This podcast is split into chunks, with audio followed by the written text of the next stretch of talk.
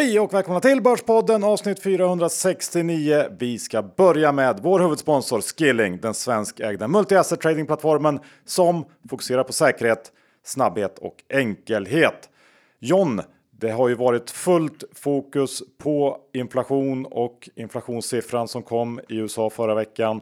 Det här eh, fick världens börser att ta ett skutt uppåt. Nu kanske vi har sett det värsta, men om man inte tror det, då kan man ju faktiskt ta och titta på soft commodities eller mjuka råvaror som det heter.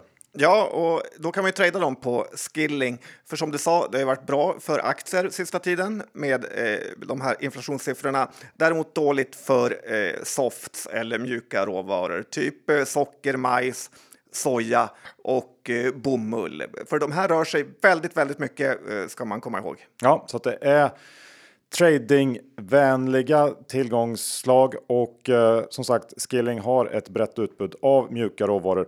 Så öppna ett konto om ni inte redan har gjort det.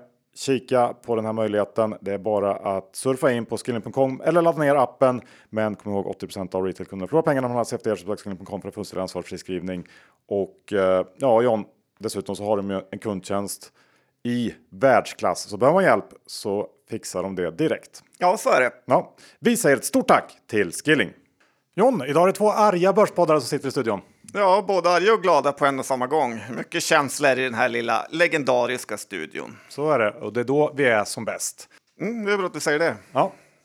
Vi är denna vecka sponsrade av Lunar och John, idag ska vi prata om peer-to-peer sparandet som, eh, jag vet inte, det känns lite bortglömt, men vi har ju faktiskt en hel del av bolagets kassa i eh, Lunars peer-to-peer sparande. Ja, vi har över en halv miljon där och eh, nu har ju kommit väldigt bra nyheter Johan, att de faktiskt eh, höjer räntan på de lånen. Så att nu kommer man få ta del av räntehöjningarna som har kommit och det är väldigt, väldigt bra att ha lite extra kassa där.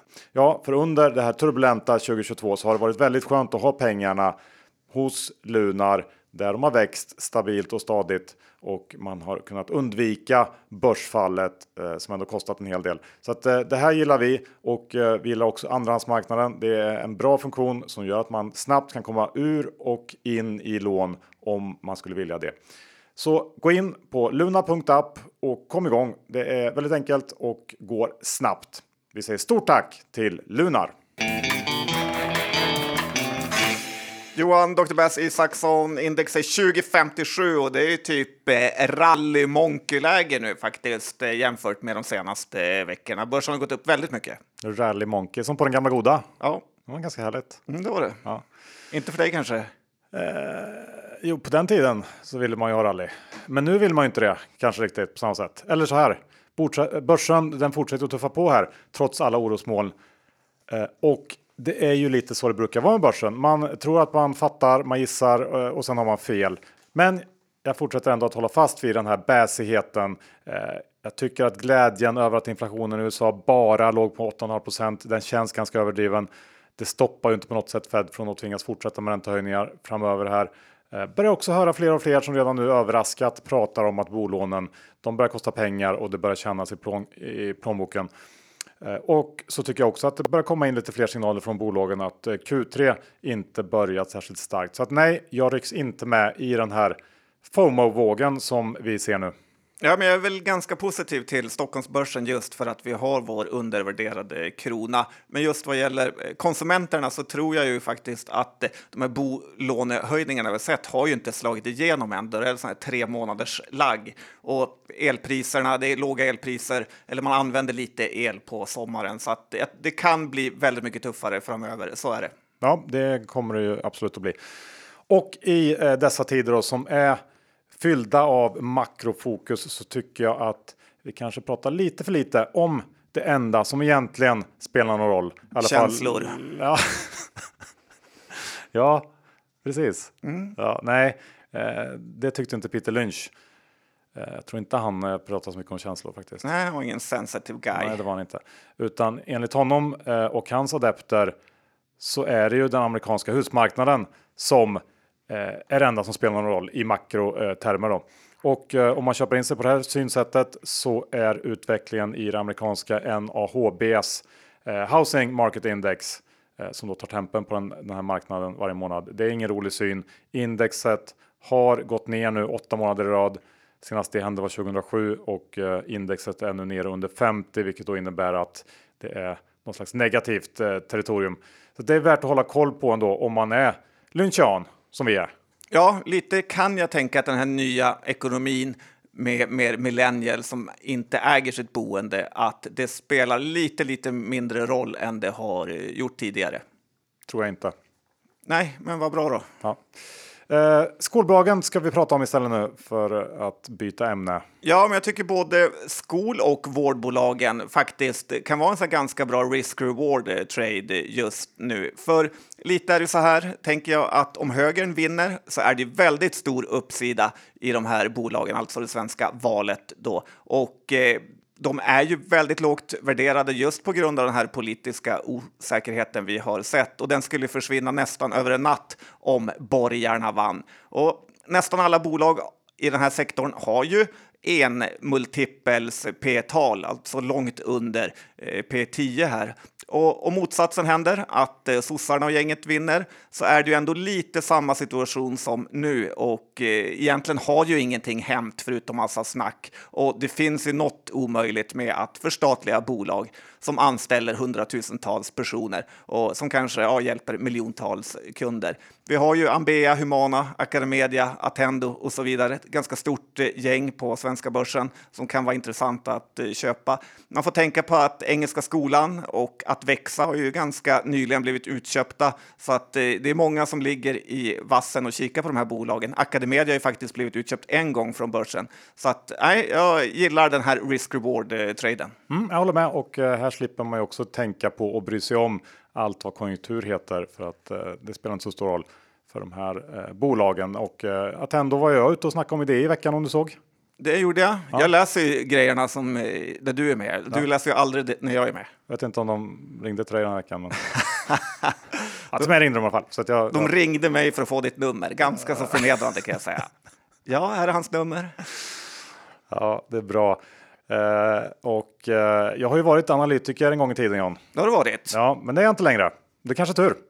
Både ja och nej, för att uh, det känns som att de har blivit sämre sista tiden. Och de har ju haft hur mycket fel som helst. Och lite känner jag att de nästan borde sluta kalla sitt arbete för analyser, sluta med riktkurser och köp och säljrekommendationer och börja kalla det för informationsblad där de sammanfattar bolaget och lite vad man kan förvänta sig om framtiden så kan läsaren själv bestämma sig för slutsatsen. Exempel som vi har är ju Sinch, SBB, H&M där i princip varenda analytiker inte bara haft fel utan jättefel och det är för stora fel för att det ska kännas eh, trovärdigt. Och jag skulle säga att det absolut största felet som analytiker gör är att de numbercrunchar alldeles för mycket och sen drar man ut eh, trenden. Jag tycker man fortfarande kan se i flera bolag som analyseras eh, då det är rätt säkert att många av de här bolagen kommer att ha det tuffare framöver. Men ändå så står det i alla analyser att de ska växa med 4-5 procent och marginalen ska bli lite, lite bättre och så ser det köpvärt ut. Mm, jo, um, håller med, men samtidigt så är det oerhört svårt att uh spå rätt så att säga. Så att jag har ju lite förståelse också för det här skrået. Ja, jag tror det var Wille Gruvberg som sa att han aldrig eh, tittade på analytikernas eh, slutsatser och rekommendationer, utan han ville bara ta till sig informationen. Mm, så, Tycker jag fler ska göra. Ja. Har det funkat för Wille funkar det nog för er också. Ja, så eh, kan det vara. Och eh, när du ändå är i gång och drar diverse visdomsord, John, så varför inte fortsätta på det här inslagna spåret? Ja, men det är ju en sån här gammal eh, klassisk Warren Buffett-historia om att man absolut inte ska investera i teknikskiftens bolag. Vi kommer gå igenom något eh, sånt eh, senare, för det finns nästan inga pengar att hämta här, utan de flesta bolagen försvinner eller blir ingenting. Han brukar ju köra det här exemplet med bilar och att under den här bilboomen i USA kring 20-talet så fanns det flera tusen biltillverkare och nu finns det bara tre kvar. Eller att flygbolag som trots att det flygs mer än någonsin och gjort så liksom de senaste hundra åren så är det en helt värdelös bransch att investera i vilket man väl kan se på SAS eller i princip vilket annat eh, flygbolag som helst.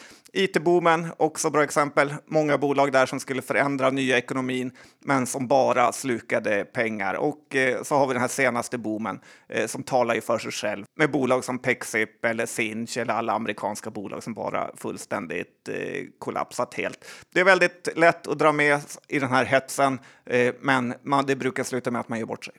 Ja, eh, absolut. Det håller jag med om. Och eh, jag tänkte gå över till det här med centralbankerna John. Jag har ju klagat en hel del på dem genom åren, kritiserat hur oansvariga de varit med minusränta och pengatryckande och så vidare. Men jag tänkte att idag kan det passa att vi tittar lite grann på andra sidan av det myntet. Eh, för ja, centralbankernas agerande har lett till massor av värdelösa investeringar och eh, idéer som annars inte skulle fått kapital har fått massor. Och mycket av det här så kommer såklart att gå förlorat. Men det är också den här typen av galna satsningar på bred front och framtidstro som krävs för att driva innovation och få samhället att gå framåt. Och jag tror att det är mycket möjligt att det om några år visar sig att vi la grunden till precis det här eh, under de här senaste åren. Eh, krypto är en sån bransch. Nej, jag har inte gett upp hoppet här. Jag är övertygad om att den flod av kapital som satsas inom krypto kommer att leda till massor av innovationer som gör skillnad på riktigt. Och det är bara ett exempel. Efter regn så kommer solsken, men vi måste nog ha det där regnet på riktigt först. Uh, och än så länge så är vi ju inte där. Dugga lite grann kanske. Mm, let it Lätt. rain. Brukar inte Rainmaker vara något uh, bra Johan? Jo, men det är för att efter uh, regnet. Okej, okay, då kommer skörden. Ja. lite tänker jag också att det är så enormt gnäll det är sånt enormt gnäll på centralbankerna, men det är ju faktiskt personer som gör investeringar. Det är inte så att Ingves eller allt vad de heter, att det är deras fel att folk köper Sinch till P200, eller? Nej, man har ansvar för sitt eget liv, så är det bara. Ja, Johan. Mm. På tal om att inte ge gnälla. råd och visdomsord. ja, och det innebär också att man ska inte gå runt och hoppas på att bli räddad av bud som vi kanske gör i vissa eh, case. Ja, det har man ju gjort en och annan gång. Men jag tycker det här senaste budet på Karo Pharma som de heter nu, hette eh, Corobio förut, visar eh, hur dåligt det är att gå runt och hoppas på just ett bud. För först kom det ett bud på 36 och sen höjdes det till 38 och nu då flera år senare här så kom det senaste budet igår på 60 kronor. Och har man hållit ut och inte varit kortsiktig så har man fått eh, betalt för det. Eh, och lite också får jag säga Johan, när jag läser den här Corofarmas Q2 så får man känslan av att de lowballar resultatet där för att pressa ner aktien eh, inför ett bud då kassaflödet är extremt mycket bättre än vad resultatet är. Och eh, ja, har man en värdering kring 15-16 miljarder eh, kronor med det här kassaflödet så är det inte jättedyrt. Eh, man ska komma ihåg att eh, Caro Pharma stod i 60 kronor så sent som i mitten av april. Så det är absolut ingen superdeal som EQT erbjuder. Eh, dock så äger man ju redan 86 procent av det här bolaget så det är ju förmodligen lika bra att ge upp ändå. Men jag vill ändå skicka en stor, eh, ja, ge stort cred till alla aktieägare som med näbbar och klor kämpat sig kvar i det här bolaget och inte sålt bort sig för billigt. Stor grattiskram! Ja, det förtjänar du Johan. Men sen tycker jag också att som eh, du nyligen sa, man ska titta på andra sidan myntet. Och man kan ju fråga sig egentligen varför man ska köpa ut läkemedelsbolag från börsen. För det känns nästan alltid som det blir katastrofala affärer. Och när vi ändå snackar lite Anders Lönnerbolag eh, som Karo, eh, RIP, eller vad säger man? Rest in peace, Anders. Eh, så är det ju lite kul att titta på vilken katastrofaffär det blev för Mylan som köpte Meda för länge sedan. Eh, Milen har ju eh, gått ihop eh, ytterligare en gång med den här svensk-klassikern Upjohn. Kom ihåg dem. Mm. och bildat bolaget Viatris som tradas i USA under ticken VTRS. Och när Milen köpte Meda 2016 så stod den aktien i över 40 dollar och nu är den nere på 11 här. Och bolaget är fortfarande rejält skuldsatt Eh, så att när det gäller förvärv inom läkemedelsbranschen så blir det nästan alltid dåligt. Fråga Astra hur nöjda de är med Medimune som kostade dem 100 miljarder för 15 år sedan och har väl egentligen inte levererat någonting. Vi har den vecka med oss vår exklusiva fondsponsor Fidelity. Rickard, vi har haft ytterligare en varm sommar här i Europa med temperaturrekord eh, redan i juni i södra Europa. Eh, hur ser du på klimatinvesteringar eh, egentligen? Nu när årets värmeböljor förhoppningsvis är över här i Europa så minns vi än en gång behovet av att vi som konsumenter måste minska de globala utsläppen. Jag säger både vi som konsumenter men också då länderna vi bor i och framförallt då bolagen som man eventuellt kan investera i. Och utvecklingen då med bolag inom det som vi kallar för climate tech, energy transition, det kommer ju ha en stort, stort fokus framöver. Och även Ukraina-konflikten har ju ökat fokuset kring det som man kallar för energy independency, det vill säga att länder inte ska vara beroende av import av till exempel olja och gas från andra länder. Och det här leder då till stora investeringar inom just energiutvinning. Och där, återigen kommer in på, finns det mycket bolag som är ledande inom det här. Så att, ja, fortfarande väldigt intressant. Vi ska också påminna om att investeringens värde och eventuella intäkter från dem kan både minska och öka. Det kan hända att du inte får tillbaka det investerade kapitalet och åsikter uttryckta kan redan agerats på och inte längre gälla. Och investeringar på tillväxtmarknader kan vara mer volatila än på andra mer utvecklade marknader. Stort tack till Fidelity International! Vi är denna vecka sponsrade av Hedvig och det här John det här är ett nytt försäkringsbolag som främst fokuserar på hemförsäkring och bilförsäkring. Och det de gör annorlunda än alla andra, det är att det går snabbt, enkelt och smidigt att hantera skadeanmälan i appen. Det, det är inget krångel, eh, det är inte strul med att få ut pengarna, utan allt det här löser de supersmidigt och snabbt i appen. Ja, och det man kanske gillar mest med Hedvig är ju att de snålar ju inte, utan här försöker man ge tillbaka så mycket pengar som möjligt till de drabbade av eh, skadorna. Och det gillar man ju inte med vanliga försäkringsbolag, hur de gör allt för att hålla inne på sista kronan. Utan skulle det bli några pengar över för Hedvig så ger man bort dem till välgörenhet. Ja, det här gillar man ju verkligen och eh, man har ju varit med om strul med försäkringsbolag allt för många gånger. Det ska in med bevis och kvitton och hit och dit och pengarna kommer aldrig ut.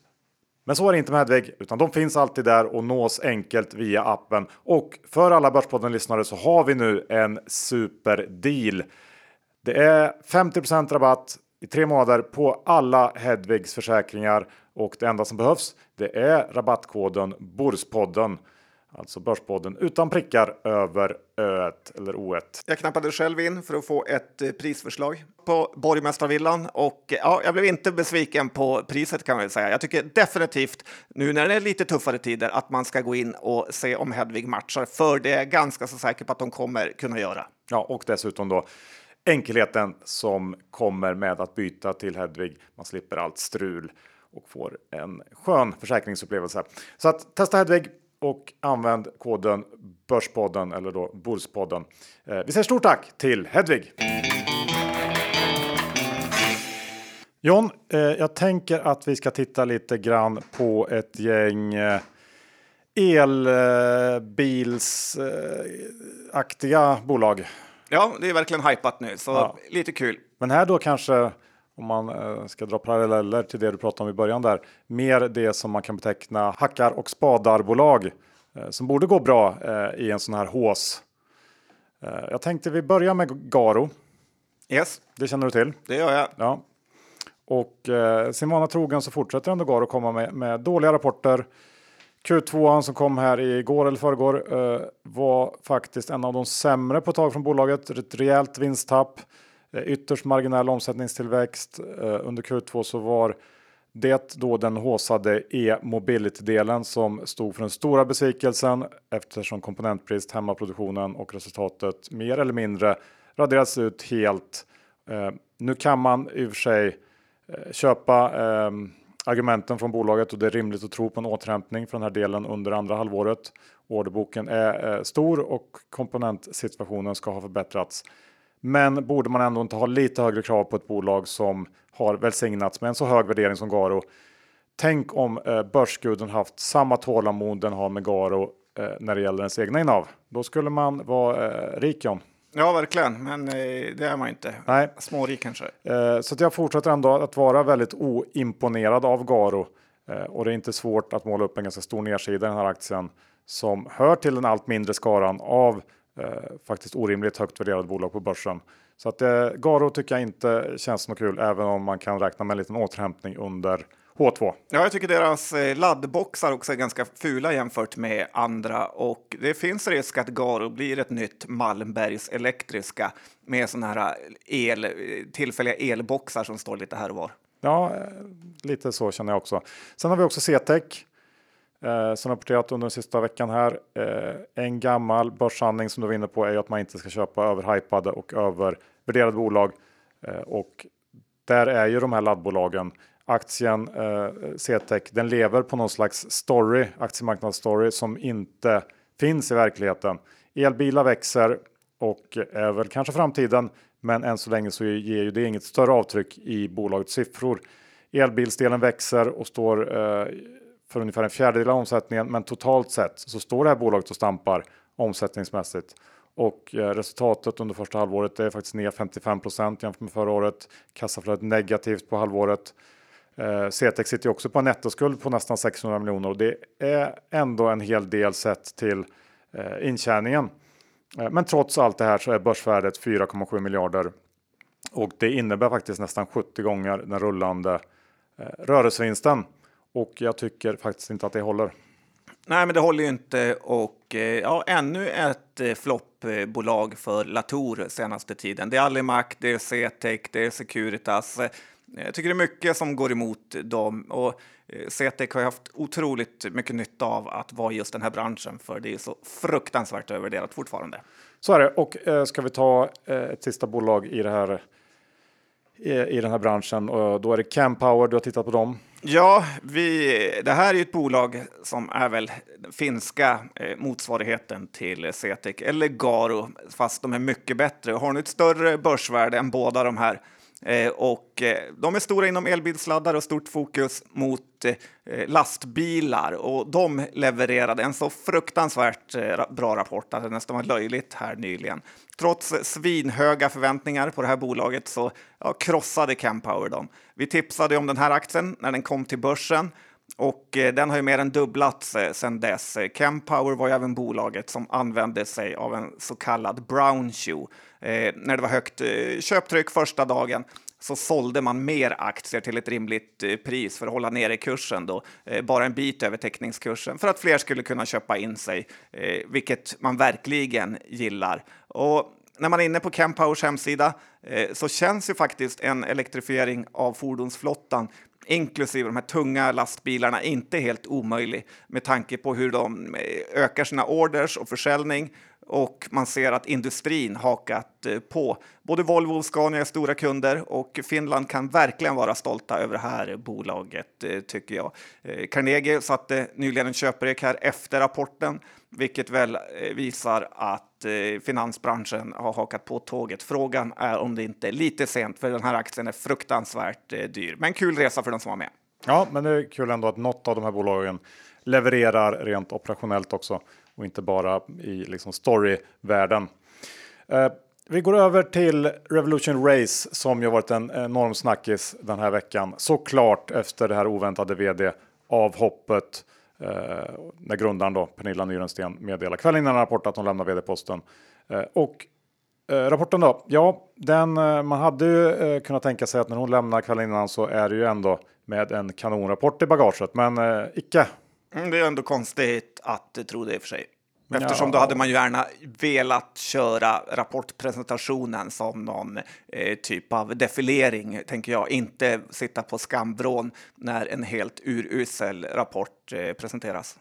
Nej, precis. Det är det man inte vill. Man vill inte sitta i skamvrån. Nej, och det var det hon fick göra. Ja. För nu var det ju ordföranden som fick, Paul Fishbein, som fick presentera rapporten. Ja, det var märkligt i alla fall. Och eh, som du säger, det var ingen bra rapport. Tillväxten sakta in rejält i kvartalet. Eh, rörelseresultatet ökade, men med bara 9 och det är eh, små siffror när man eh, tittar på vad RVRC har presterat eh, tidigare kvartal. Eh, förra kvartalet tror jag var 61% i vinsttillväxt. Eh, Vd-ordet var inte heller särskilt upplyftande. Det pratas om minskad köpkraft hos konsumenten eh, och stigande kostnader för digital marknadsföring och att eh, de räknar med marginalpress framöver. Eh, man säger också att eh, försäljningstillväxten de kommande kvartalen kommer att dämpas och som avslutning så var tillväxten i juli lägre än i det då nyligen avslutade andra kvartalet. Då landade tillväxten på 16 Så att eh, det här är ju uppenbarligen ett bolag som i ganska snabb takt eh, bromsar in nu och det eh, kände ju börsen direkt. Ja, jag har alltid tyckt det varit något eh, lite smålurt med det här bolaget och är lite sådär undrande hur de kan ha så fruktansvärt många recensioner på sina kläder på hemsidan. Det är lite så shine-varning, alltså kinesiska eh, skräpmodebolaget eh, där. Eh, jag är tveksam till det här bolaget och jag förstår att aktien blev mosad. Ja, och eh, tittar man på balansräkningen så växer ju lagret kraftigt och det är inte en alltför vågad gissning eh, att tro att rea-andelen kommer att öka ganska mycket kommande kvartal. Eh, och Revolution Race ser ju faktiskt ut att gå mot en period med fallande vinster faktiskt. Eh, och det finns nog risk för negativ tillväxt också. Och det är ju väldigt långt ifrån vad marknaden förväntade sig innan den här rapporten. Och även om aktien har kraschat nu då så tror jag ändå att man kan vänta med eventuella fyndköp tills det ser ännu sämre ut. För det kommer det med största sannolikhet då att göra här under kommande kvartal. Så att, ehm, och det här hastiga ehm, avhoppet då från Pernilla Nyrensten, det späder ju på den här känslan av att det kommer gå ännu sämre. Ja, och det kan alltid komma fram lite konstiga saker när man byter vd. En ny vd som vill börja med klint bord och lyfter fram gamla surdegar. Så att är ingen bra period att investera i RVRC just nu. Nej, och det var väl i princip den sista av eh, de här e-handels eh, hotshotsen som då blev eh, nersablad av börsen här. Kanske. Ja, det visar väl återigen hur eh, de här investmentbankerna har lurat eh, finansmarknaden. Ja, men ingen tvingades köpa. Eh, nej, så var det. Ja, Men var det. ingen tvingade dem att eh, fejka prospekt heller. Nej, andra sidan av myntet. Men du, vi har något roligare när man ändå är inne på kläder och sånt. Och det är ju New Waves rapport som kom in här på morgonen. Ja, Torsten Jansson går ju tvärt emot många andra bolag och han bara kör på. Eh, det är ju som att New Wave har levlat i den här krisen. Eh, förmodligen är det så att när ingen hade något att sälja så kunde Torsten leta fram några tishor från eh, 2004 på lagret och sen skicka iväg dem till fullpris. Och till skillnad från många andra i den här sektorn så finns det ju faktiskt en chans till ännu mera lyft när alla evenemang har dragit igång. Alla maratons, halvmaratons och Tjejmilenlopp och allt vad de heter eh, som köper in miljontals eh, t-shirtar av bland annat Craft är ju svinbra för New Wave. Eh, Torsten har ju tidigare varit lite orolig för sitt lager. Eh, det finns ju ingenting han mår sämre över än när lagret är lite, lite tomt. Nu är lagret återigen på 3,6 miljarder, vilket måste vara ett av börsens absolut största lager i förhållande till bolagsstorlek. Men nu börjar det ju bli precis som eh, man har tänkt och som Torsten har sagt att eh, han har kunnat använda det här lagret som en bank. Eh, han såg det, vi andra tyckte han var galen. Eh, när man tittar på andra bolag inom sport, typ XXL eller RVRC som du nämnde, eller bara H&M, eh, så är det ju som att Torsten är ett unikum eh, som man nog faktiskt bara ska ta rygg på här. Eh, sen kan man ju önska att han kanske levde lite hälsosammare, för han fyller 60 om bara en månad, Johan, så han blir inte yngre. Nej, den festen vill man gå på. Det känns ju som det. Ja. Hade inte Nyrensten också en fest när hon var miljardär? Jag går hellre på Torstens. Ja, jag med. Ja. Eh, ja, och bara flika in där angående lagret. Det blir ju liksom dubbel positiv effekt nu. Dels då att man kan leverera när, när konkurrenter kanske inte kan det och som någon slags naturlig inflationshedge också eftersom de här grejerna inköpta sommaren eh, 97 var ju inte så dyra och de, eh, eh ja, det, det, är ju bra. Ja, mycket Nirvana t-shirts som Torsten bara drar iväg nu, svindyrt. Ja, så man ska spela spelet så att säga. En aktie som eh, kommit lite från sidan här på slutet och seglat upp som en eh, småspara favorit får man väl ändå säga är Orrön. Ja, och... Lundinsfärens eh, nya raket. Ja, och det är väl de oruttade småspararnas senaste sätt att hitta ett överhypat och övervärderat bolag enligt mig. För HSN Orrön börjar bli ganska så stor nu med närmare 40 000 avansianer som har köpt på sig det här. Orrön är inriktad mot förnyelsebar energi och la nyligen ett ganska generöst bud på Slite vind. I övrigt är man ju nästan lite av ett skal med en idé att man ska eh, rikta in sig på det här området med ja, just förnyelsebar energi. Eh, tycker också att deras logga eh, är lite läskigt lik BP, alltså oljebolaget BP. Inte bra pojkarna. och inte Börspodden. Nej. Nej, men eh, har du tittat på den? Nej. Nej eh, gör det då. Ja. Otroligt. Eh, men Orrön den har nu gått upp 150 procent här på en månad och eh, man kan ju fråga sig lite om det är rimligt att köpa aktien nu när 40 000 småsparare jagat upp eh, den här börskursen. Är man först på pucken eller är det risk att man blir inlurad i en hype? För mig är det ganska självklart att det är bubbelvarning på Orrön nu och jag tycker man ska eh, hålla sig borta från den hypen. Ja, det håller jag absolut med om. Det har ju eh, gått alldeles för snabbt där och eh, då eh, tänkte jag prata om Spotlight Group. Ja, ja vore kul att höra. Ja, de vinstvarnar ju i mitten av juli för de som uppmärksammar det, men släppte i veckan då hela sin Q2 och den här aktien är ju eh, lite grann som ett derivat på hur alla eh, små skitbolag på börsen mår. Och de mår inte så bra kan jag berätta för dig. Mm, berätta mer då. Ja, det ska jag göra. Det som vet allt. ja, det, det, vet jag faktiskt. För Eh, att då marknaden för högrisk eh, mikrobolag inte varit fantastisk i år. Det kanske inte är någon överraskning, men jag är lite överraskad över hur mycket kostnader Spotlight ändå har dragit på sig under de här goda åren. Eh, omsättningen faller från 97 till 75 miljoner under första halvåret i år. Det tycker jag ändå inte känns så farligt, men resultatet går från plus 17 till nästan minus 26 miljoner och Spotlight har ju uppenbarligen snarare gasat än bromsat sig igenom det här tuffa första halvåret. Eh, och även om man har vidtagit besparingsåtgärder så tycker jag att de borde kunnat vara betydligt mycket snabbare med att agera här. Storleken på den här förlusten är ju eh, oacceptabel skulle jag säga. Och jag tror inte heller att man ska räkna med någon snabb tillbakagång till det riskklimat som producerade eh, rekordresultat för Spotlight förra året. Det var något helt extraordinärt eh, som det kommer ta lång tid innan vi ser igen. Och om jag skulle få önska något så vore det att Spotlight tar det här tillfället i akt nu och försöker få fler riktiga bolag att notera sig där. Jag stödjer Günthers vision som han pratade om när han gästade oss i Börspodden om att Spotlight skulle kunna bli en plats för familjeföretag och generationsskiften istället för att man tar in ännu fler helt värdelösa små forskningsbolag som har någon idé från Lunds universitet som ska kommersialiseras, men som i 999 av 1000 gånger bara blir nyemissionsmaskiner.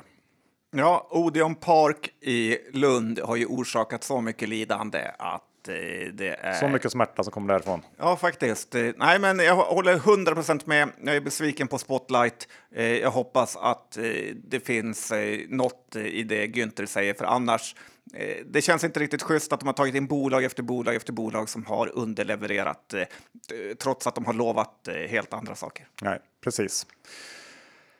Det största eventet inom biotech på svensk börs eh, på ett tag är på gång nu John. Och vad är det då? Ja, och hur långt håller du dig borta är väl fråga nummer två. Ja, det, är ju, det vet du svaret på. Jag behöver inte ens gå in på det. Nej, det är så långt så. Men det här är ju att eh, det är BioArctic som närmar sig sitt eh, slutresultat för sin Alzheimer-studie här eh, Eh, som, eh, där man jobbar tillsammans med ett japanskt jättebolag som heter AISA och amerikanska Biogen. Eh, Biartic eh, ska få 10% av försäljningen och lite milestones här, vilket kan bli helt sinnessjuka pengar eftersom det inte finns något preparat mot Alzheimers. Analytikerna räknar med att peak sales på det här eh, läkemedlet eh, ska eh, kunna gå upp till 14,3 miljarder dollar. Det är ganska så sjuka siffror. Det här skulle då innebära att BioArctic får 15 miljarder kronor årligen eh, som de får casha in om det här skulle eh, hända. Around September säger de här eh, bolagen som leder forskningsstudien och eh, det betyder ju då att eh, resultatet kommer komma här under eh, september, kanske i slutet. Som vanligt är det svårt att eh, få ett helt klart resultat eh, i sådana här studier, utan man får titta lite på subgrupper och så vidare. Alltså det är helt upplagt för att göra bort sig som lekman. Alla har ju tidigare misslyckats med Alzheimers mediciner, men i det här preparatet så har man ju faktiskt lyckats med sin 2B-studie. Eh, eh, och eh, BioArctic har ju också lite så här Parkinson-grejer, men om de misslyckas med det här så har man ju en 80% i nedsida, give or take. Men lyckas man Johan, och eh, ja, då snackar vi ju långt, långt över 100% i uppsida. Och det är ju lite av det största eh, biotech-eventet här det här årtiondet nästan. Och det som är mest spännande tycker jag att den 73-årige grundaren och ägaren Lars Landfelt äger 35 procent av bolaget och har precis alla pengar här. Eh, jag kollade upp han lite. Han har en Volvo från 2009 och har alltså aktier i Bioarctic för 3,5 miljard och inga andra innehav man kan se. Så att det kommer bli ganska så spännande månad för honom. Mm, lite sådär eh, risk för hjärtat känner jag. Ja, verkligen. Men jag önskar han lycka till. Det vore väldigt kul om något eh, svenskt eh, biotechbolag kunde lyckas. Men eh, Bioarctic, men liksom, det är inte hela portföljen som ska in här. Nej, det är det ju inte. Gör inte som Lars eller vad han heter. Men, men, men jag hopp, Va, gillar du inte Volvo från 2009? det har jag ingen, ingen åsikt om. Men, men vad skulle jag säga? Jag hoppas ju också för alla småsparare där ute skull att det kan bli någonting, att man kan äntligen få en eh, succé i den här branschen, för det behövs ju. Eh, men jag vill också avsluta med att säga, du vet vad man säger om long shots? De går ofta utanför. Ja, korgen eller målet. Så att, eh, lite sånt visdomsord att ta med sig i bakfickan. Ja, jag har inte hört det ordspråket jätteofta. Det kanske inte var jättecatchy. Inget Wayne Gretzky sa i alla fall. Nej, det var det nog inte. Eh, och Wayne Gretzky, eh, dricker han potatismjölk tror du? Det gör han inte. Kommer han dricka mer är- eller mindre potatismjölk i framtiden? Ja, kommer ihåg ganska låg nivå, för det verkar inte vara någon som dricker potatismjölk. Eh, mjölk. och Vi vill fortfarande se när de kramar ut potatismjölken ur potatisen. ja, men du kanske kan åka ner till deras eh, Lunda fabrik eller vart det nu är. Men Vägg av Lund, Johan, Äckellockande att se på något sjukt sätt. det ja, det blir mer och mer äckligt ju mer du pratar om den. Eh, men Vägg av Lund, det börjar nästan bli så här olagligt dåligt och deras vilseledande av investerare gör en nästan mörkrädd hur det här ens kan fortgå. Högst upp i rapporten, Johan, står det för att nå målet om att Vägg av Lund ska ha en försäljning på 420 miljoner med ett positivt rörelseresultat eh, har vi fokuserat på Sverige och eh, Storbritannien. Och det här ska de uppnå om det var 2024 eller 2025. Eh, alltså det här bolaget har... Baktung prognos kanske. Ja, men det här bolaget har en omsättning i kvartal två på en miljon kronor. Det är alltså troligare att man kommer bli rik på bitcoinbedrägerier än att Vägg of Lund kommer nå upp till 420 miljoner kronor i omsättning och tjäna pengar. Eh, det är definitivt mycket troligare med konkurs, för de bränner pengar som ett forskningsbolag. Det är 10 miljoner i kvartalet. Eh, så det här med att ha en certified advisor eh, kan man ju bara säga är som brutal fake. Eh, och man kan lägga ner det när bolagen kan skriva sådana här fulsaker och eh, kommer ju garanterat behöva göra riktigt stora nyemissioner för att lura av småspararna ännu eh, mer pengar. Nej, jag är besviken på väldigt många här, men kanske mest av alla på Certified Advisor. Vem är det då? Mangold. Ja. Du, eh, Vägg of Lund, är det här också ett något så här Ideon-bolag eller? Det vet jag från inte. Mm, Det här är väl något potatisåkerland. Jag vet inte Johan, De kan komma på idén där. men det låter som att de kommer från Lund om jag Ja. får gissa på det. Så att idén eh, är sprungen ur eh, liksom braintrusten där nere i Lund. Ja, det var någon så här, eh, från universitetet, veterinärsuniversitetet, Ja. lantbruksskolan. Det är kanske eh, även eh, Opticepts idé det, John. Få höra, Bolaget som du älskar och har eh, håsat. är det det här man eh, får eh, frysa in blommor? Ja, jag vet inte om de fryser in dem riktigt. Ehm, Men de ska ju försöka förlänga livstiden på dem. Och du var ju eld och lågor över det här för ett tag sedan. Ehm, Den har väl gått väldigt bra under en period i alla fall. Ja, det var nog en annan period där. Eh, och eh, jag har ju faktiskt inte riktigt tänkt på den här aktien eller bolaget sen jag ramlade över, eller sen dess då, men sen så ramlade jag över deras Q2 igår och kom ihåg vårt nästan bråk kring det här. Du var jättepositiv, jag var negativ eh, och det var ju inte så kul att läsa Q2. Nej, Du har inte gjort det verkar det som. det har jag inte gjort. Nej, du såg ju en lysande framtid för det här bolaget. Men sluta säga så, det gjorde jag Vars inte. Johan. maskiner då kan behandla rosor på något sätt så att de håller längre. Men inte nog med det. När jag surfade in på hemsidan så upptäckte jag att eh, det här bolaget kan hjälpa till i massor av branscher. De har Olivcept som gör att olivoljan blir bättre. De har Vinecept, vinet blir godare. Eh, Juicecept som gör juicen godare. De har Juicept plus. Vet du vad det plusset ger? Eh, nej, Hållbarhet förlängs. Vad gjorde det första då? Eh, det gjorde juicen godare Godare, okej. och kan- lite sådär allmänt bättre. Det låter som ett ganska bra bolag. Ja. Eh, ska jag fortsätta? Gärna. Ja, de har Drycept. Torka fortare. Ta- Nej, det, de, ehm, deras egen slogan är Brings out the best in dried products. Så Okej, att alltså det bara enhansar allt torkat. bra. Mm. Den ska jag ha. Ja.